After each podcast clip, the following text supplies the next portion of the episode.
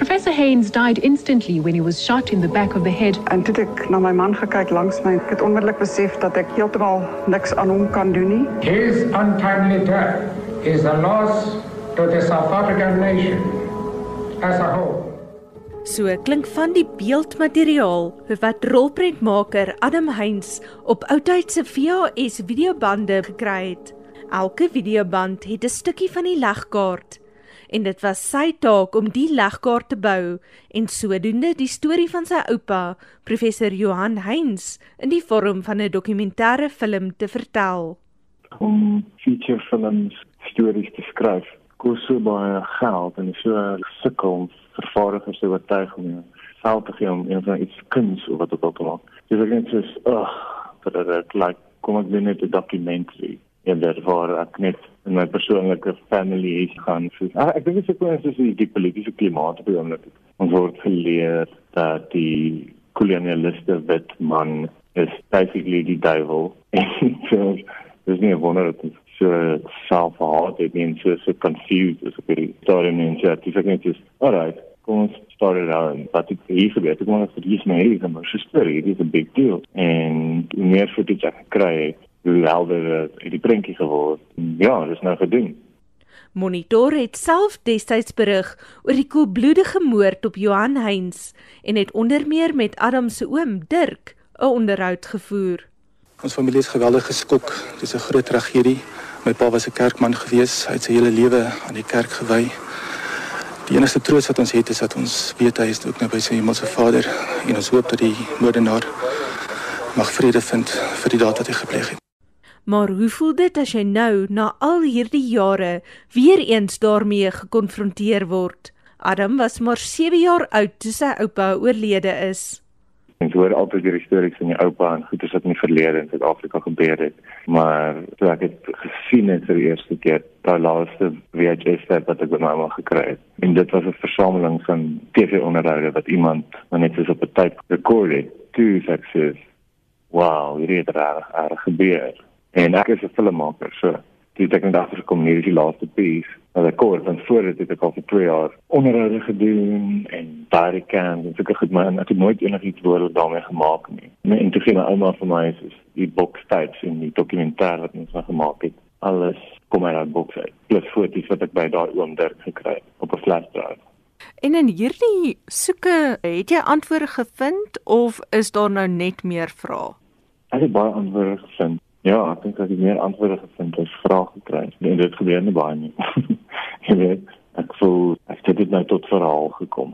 En ek het nou 'n klomp ander projekte wat ek nou in beweeg aan het en vir my en dit vrede maak met die verlede te bedink. Ek kan dit oor dit.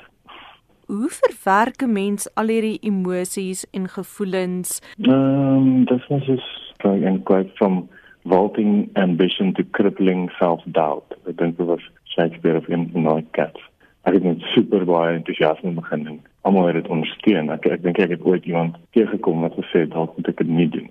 So ek is vreeslik gemotiveerd om te maak in die begin en dan gebeur die lewe man. Dan ontmoet jy 'n vrou en dan verloor jy 'n mens en dan moet jy hier betaal en dan moet jy ander films maak en dan moet jy trek en dan moet jy samekom van goed maar hierdie iets so swaar by my kop gaan. Ek kon dit nie finish nie en jy weet al eyes on me want hele familie is so vreeslik ondersteunend maar as ek nou die steun verloor en, en hulle het ook belang daarin dan het ek gevoel dat dit almal teleurstel ja dit trek ek nou Kaap toe in die begin van die jaar en belang in die pastorie waar my oupa gebly het en waar my pa groot geword het op 'n baie serendipitous baie toevallige manier. En die huidige dominee sy sien ons ook 'n filmmaker.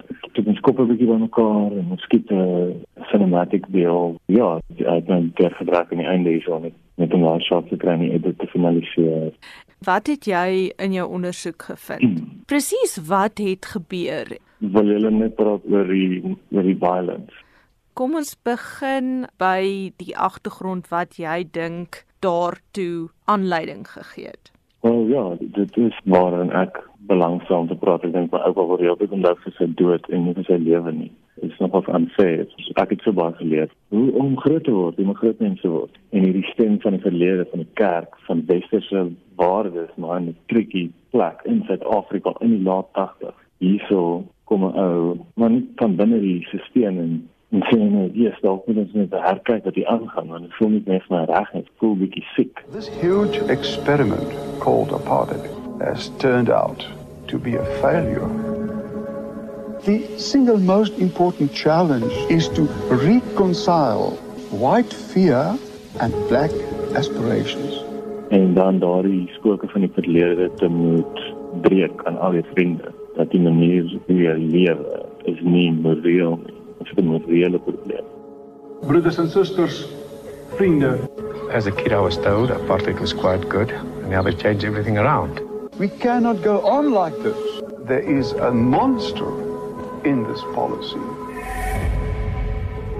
Dit is vir my nogal cool eh, om te sien hoe ver ons gekom het van dan af tot nou toe en dit was vir my net so 'n venster tot in ons land se traumatiese traumatiese geskiedenis. En dit was nou by my, want dit is nou oupa.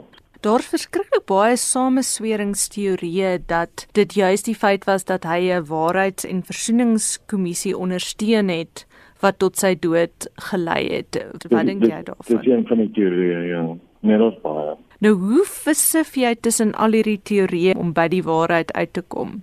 Wel, ek het nog nie 'n crime investigation gedoen. Ek, het gehad om 'n private investigator te huur. nie. Ek wil maar net sin maak vir my familie se geskiedenis. Ek- Ek koester nie enige wat gevoelens van wraak nie. Miskien net soos baie sadness wat die moord aanbetref en die moordtoneel en wie was waar en wie die snelheid getrek en wie die bevel gegee want dit is eintlik die vraag is nie hoe dan het nie dit is why done it why would you do this? Why would you shoot my grandfather in the head while he came cards with my cousin?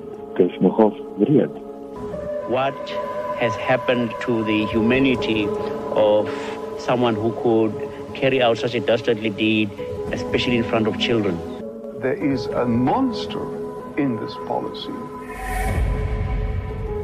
Waar beplan jy om die rolprent heen te vat en hoe kan ons luisteraars dit sien? uh, dis glad nie aanlyn nie woensdag is dit by Bioscope in Maboneng Johannesburg en dan kyk ons maar wie ons uitnooi ek sou graag maar as ek mag vir luisteraars vra as hulle kerksaal of 'n gemeenskapsaal soos het en dan uh, ons kan help om uit te kom. Ons wil graag 'n toer doen deur die platteland.